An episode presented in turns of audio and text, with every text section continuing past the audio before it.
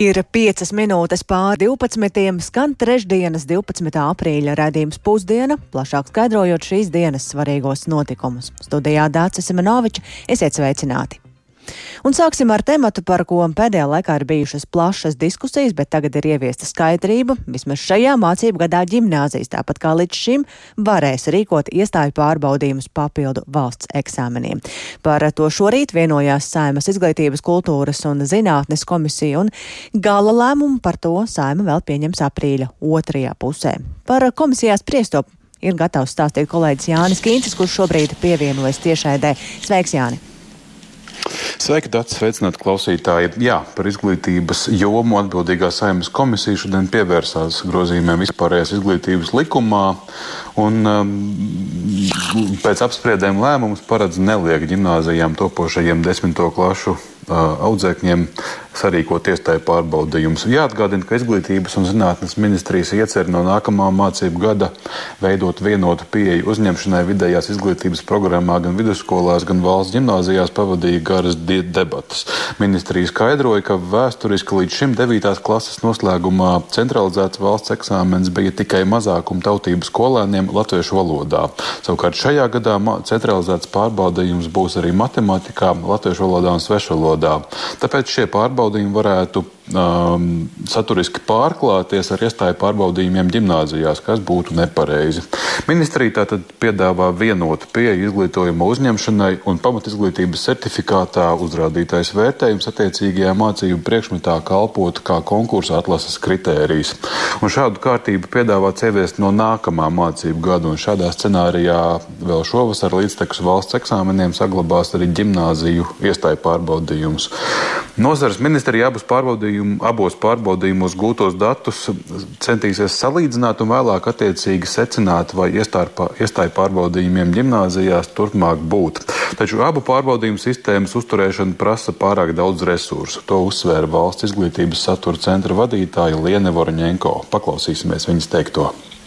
Un tas, manuprāt, vienkārši ir jāsagaida šie rezultāti, lai pieņemtu tādu saprātīgu lēmumu. Jo jāsaprot, ka divu sistēmu uzturēšana, kas dublē rezultātus, ir ļoti cilvēku resursu patērējoša, pēc būtības tieši pedagoģu resursu patērējoša. Centralizētie valsts pārbaudījumi matemātikā un citos mācību priekšmetos un iestāja pārbaudījumi gimnājās ir divas dažādas lietas. Tā savukārt argumentēja izglītības iestāžu vadītāju asociācijas vadītājs Rudolfs Kalvāns, kurš ir arī Siguldas valsts gimnāzijas direktors. Viņš arī rosināja no likuma projekta izslēgt panta daļu, kas paredz, ka pašvaldība ar vairākām vispārējās izglītības iestādēm ir tiesība tajās organizēt vienotus iestāju pārbaudījumus un noteikt vienotus uzņemšanas kritērijus. Tas būtu nepareizi, jo šīs prasības varētu būtiski atšķirties. Paklausīsimies arī Rudolfa Kalvāna teiktajā. Valsts gimnāziju direktori ir arī ļoti jaudīgi nacionāla līmeņa metodiķi, tā skaitā matemātikas centralizētā eksāmena autori, kuru es domāju ļoti vienkārši un skaidri pausts atzinums eh, par to, ka šis pārbaudījums beidzot 9. klasi galīgi nav tas pats, kas iestāja pārbaudījums valsts gimnājā. Līdz ar to mērījums 9. klase visiem, kā apgūt standarts, visiem vienādi ir viena lieta specifiski mērķēti iestāju pārbaudījumi dažādos paaugstinātos līmeņos ar citiem uzdevumiem, citu uzdevumu īpatsvaru, citām skalām, ir cita lieta, un mēs viņus nekad nesavienosim. Kāds tad būs zaudētājs? Pēc neliela pārtraukuma komisijas sēdē deputāti vienbalsīgi vienojās par alternatīvu lēmumu no vispārējās izglītības likuma grozījumiem izslēgt sadaļu par iestāju pārbaudījumiem gimnājās par šo jautājumu loku tātad uzdodot izglītības un zinātnes ministrijai līdz nākamajai nedēļai iesniegt komisijai alternatīvu likuma projektu par centralizētajiem eksāmeniem un iestāju iestāju pārbaudījumiem. Tas tātad ļaus šo mācību gadu, šai, šī mācību gada noslēgumā saglabāt iestāju pārbaudījumu līdzinējo praksi. Un eh, komisija šo likumprojektu varētu izskatīt steidzamības kārtā nākamajā trešdienā un eh, attiecīgi saimā abos lasījumos pieņemt vai nu nākamajā ceturtdienā vai arī nedēļu vēlāk. That's it. Paldies, Jāni, tev par šo skaidrojumu. Tas tātad par skolēniem, bet turpinot izglītības tematiku citā līmenī, Latvijā veidot Tieslietu akadēmiju un ir iecerēts, ka tā būs iespēja tiesu sistēmas profesionāļiem pilnveidot šīs jomas specifiskās zināšanas un attīstīt tās, ceļot kvalifikāciju. Mācību programmas izstrādās un īstenos no šī gada otrās puses līdz pat 2026. gada pirmajam pusgadam, rīkojot līdz 300 mācību semināriem. Tieslietu ministrija pat laban ar šo projektu iepazīstina plašāk, bet šorīt par topošo akadēmiju Kristaps Feldmanis iztaujāja Tieslietu ministri Ines Lībiņu Egneri no jaunās vienotības. Tas ir tiešām ļoti ilgi vajadzīgs jauns projekts, Eiropas Savienības atvesaļošanās fonda ietvaros mēs radām iespēju to finansēt Tieslietu akadēmiju, kas nozīmē, ka tā būs visiem tiesnešiem, visiem tiesnešu kandidātiem, tiesnešu palīgiem, prokuroriem, prokuroru palīgiem, prokuroru kandidātiem un tiem izmeklētājiem, kas iesaistīti tiesvedībā, iespēja pilnveidot savu profesionālo izglītību nevis tā no projekta uz projektu, bet vienotā programmā. Latvijā tas tiešām ir iztrūcis, ja tiesnešiem ir bijuši kādi kursi pilnveidoties, tad prokuroriem tāda nav nav bijuši vispār. Tas ir tiešām visas sabiedrības vajadzībām, lai tiesas spētu daudz labāk funkcionēt. Par tiesnešu un prokuroru kompetenci redzat šobrīd tur problēmas? Nu, Vispirmām kārtām jurista izglītība arī dzen ir jāredz kā mūža izglītība, īpaši attiecībā uz tiesnesi. Viņam ir jāpilnveidojas visu laiku, prokuroram ir jāpilnveidojas visu laiku, mums kā valstī ir jādod iespēja to darīt. Ja mēs visi saprotam, ka katra individu un sabiedrības vajadzības ir labi izglītība, izglītots un profesionāls ārsts, kurš nepieļauj nekādu kļūdu, pat ne mazāko, tad tas pats attiecas arī uz juristu, tiesnesi, prokuroru. Šī tieslietu akadēmija tā jau būvē jau esošu juristu Tos, izglītību. Jo par tiesnesi un prokuroru var kļūt tikai tāds, kas ir nokārtojis juristu kvalifikācijas eksāmenu. Arī šobrīd mēs esam izstrādājuši to sistēmu, ja iepriekš tā nebija. Iepriekš uh, jurista diplomu varēja iegūt tik viens, uh, varbūt pat arī viens ar, viens bez kaut kādām plašākām zināšanām, jo augstskolām bija ļoti dažāda kvalitāte dažādi un ļoti dažādi arī šie mērīšanas veidi, tad šobrīd mēs esam tomēr izveidojuši vienu ļoti nu, tādu augstas kvalitātes sietu. Tā tieslietu ministra Ines Lībiņa Egnere un plašāk par Tieslietu akadēmiju runāsim arī raidījumā pēcpusdiena. Bet aizdomas par Latvijas Olimpiskās komitejas prezidenta iespējamo interešu konfliktu ir nonākušas arī parlamenta darba kārtībā. Situāciju plāno apspriest Saimas sporta apakškomisijā. Jau iepriekš vēstīts, ka pieci uzņēmumi, kuros līdzīpašnieces kādā brīdī ir bijušas vai joprojām ir Olimpiskās komitejas prezidenta Žorža Tikmera bijusi un tagadējā dzīves biedri, bijuši arī ilgadēji piegādātāju komitejai un tās paspārnē esošajiem olimpiskajiem centriem. Situāciju Latvijas radio plašāk skaidro Rēnis Grunspēņķis. Sijā uzņēmumi SC Cafe, Aizring, Plus Fitness, Express Travel un Rumba koģenerācija daudzu gadu gaitā ir dažādā veidā sadarbojušies ar Latvijas Olimpisko komiteju un olimpiskajiem centriem, piemēram, rūpējušies par olimpiešu un funkcionāru ceļošanu, ēdināšanu, kā arī trenažieru īri. Zīmīgi, ka trijos no uzņēmumiem Inese Celmiņa kļūsi par līdzīpašnieci Gītas Ducmanes vietā, kad tikmērs no Ducmanes ir šķīries.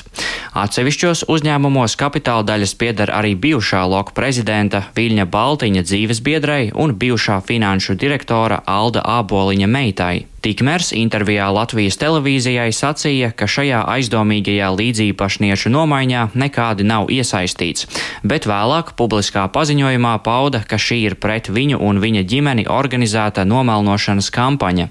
Viņš rakstīja, ka tā rīkota tieši Latvijas Basketbola Savienības vadībā ar mērķi panākt viņa atkāpšanos no loka prezidenta amata. Basketbola Savienība pavisam drīz atbildēja, norādot, ka tikmērs izplata nepatiesu informāciju un ka no vadības atšķirīgs viedoklis ir normāla prakse demokrātiskā sabiedrībā. Saimas sporta apakškomisijas vadītājs Dāvis Mārtiņš Daugavietis norādīja, ka apakškomisijai ir jāizpilda platformas loma, lai viestu skaidrību šajā situācijā.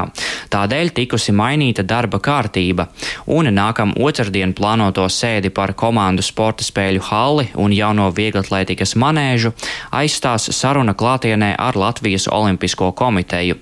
Vairāk stāsta Izglītības un zinātnes ministrijas sporta departamenta direktora pienākumu izpildītāja Ginta Ozola. Arī izglītības zinātnes ministrija ir saņēmusi aicinājumu uz nākamās otrdienas sporta apakškomisijas sēdi, bet ko mēs darīsim līdz tam laikam, mēs esam šodien pieprasījuši informāciju lokam attiecībā uz no šo publiski izskanējušo informāciju par iespējamu interešu konfliktu lokam un personu darbībā, par slēgtajiem līgumiem. Mēs esam pieprasījuši informāciju par to, kādā procedūrā ir slēgta, nu, kādā iepirkuma procedūrā ir slēgti šie līgumi un arī kādas nu, iekšējās, kādas iespējamās nu, procedūras ir veikts interešu konfliktu novēršanai. Par iespējām, kā rīkoties valstī šajā situācijā, turpina sporta apakškomisija komisijas vadītājs Dāvis Mārtiņš Daugavietis. Skaidrs, ka no valsts puses ir no izglītības ministrijas puses, tad kā viens no risinājumiem, protams, ir konkrēts cilvēks atstādināt no Olimpisko centru valdēm, lai nu, teiksim, pārtraukt uh, līgumus ar zināmām uh, firmām, ja tiešām šīm uh, bažām, kas šobrīd ir radušās, ir kāds pamats. Bet runājot par pašu organizācijas vadību, tur gan ir uh, jāstāsta sporta federācijas virzienā. Sporta federācijas tagad no galda nepateikšu, cik ir nepieciešams procents no kopējā biedru skaita, bet var sasaukt ārkārtas kopsapulci vai kongresu. Un tad lemt tālāk par uh, to, kas šobrīd vada Latvijas Olimpisko komiteju. Reinis Grunspēņķis, Latvijas radio.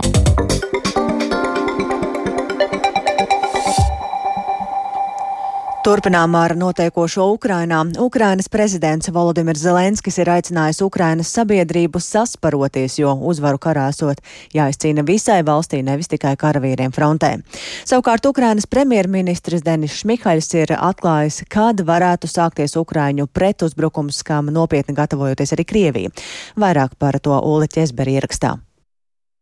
Krievijas uzsāktais karš Ukrainā turpinās jau vairāk nekā gadu. Frontes līnija ir nostabilizējusies, tāpēc iespējams daļa Ukrainas iedzīvotāju un arī sabiedroto varētu būt nedaudz atslābuši. Par to bažījies Ukrainas prezidents Volodimirs Zelenskis, kurš vakar vakarā paziņoja, ka karš pašlaik atrodas tādā posmā, kad Ukrainas sabiedrība un partneri nedrīkst novirzīties no uzņemtā kursa, jo priekšā vēl ir izšķirošās cīņas.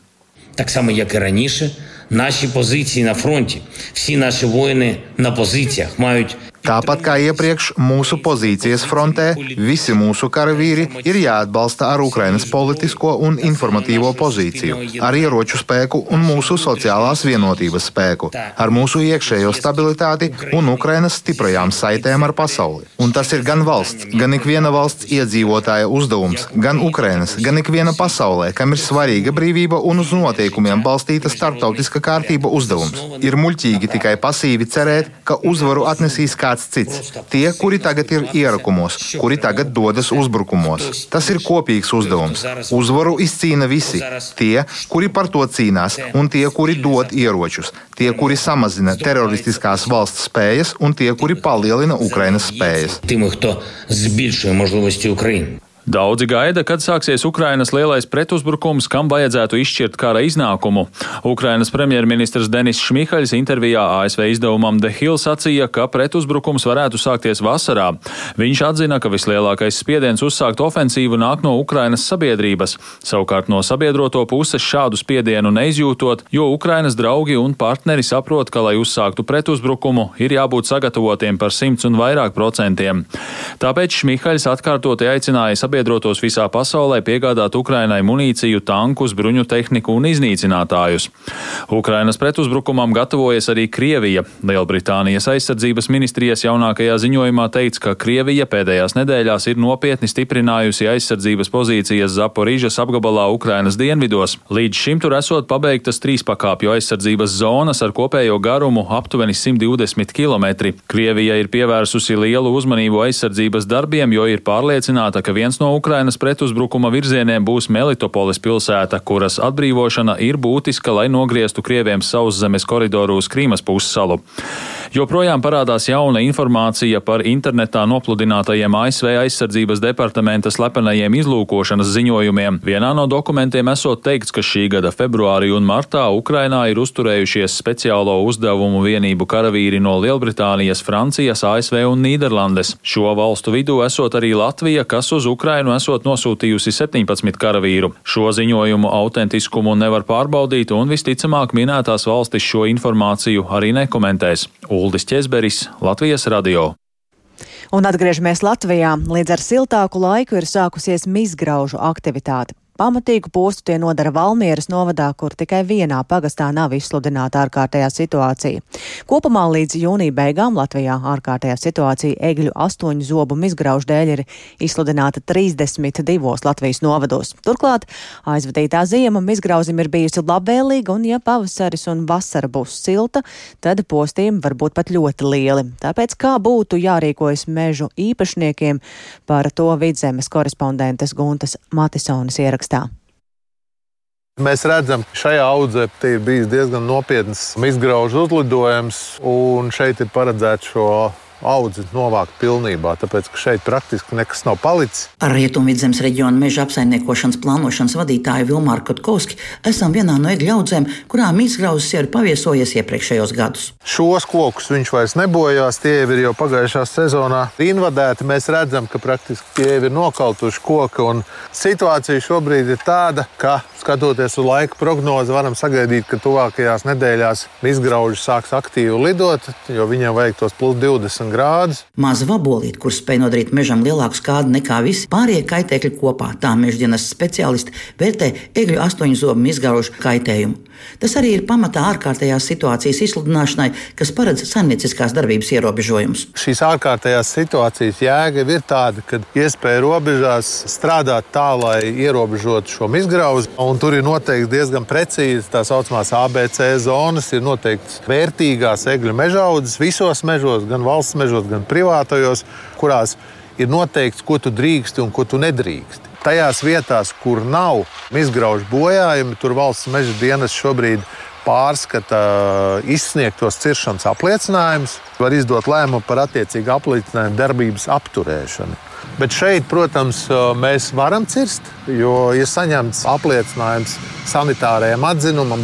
Bet kāpēc tad ir ierobežota saimnieciskā darbība un kāpēc nevar cirst egļu audzes, kas ir izgraužu neskarts?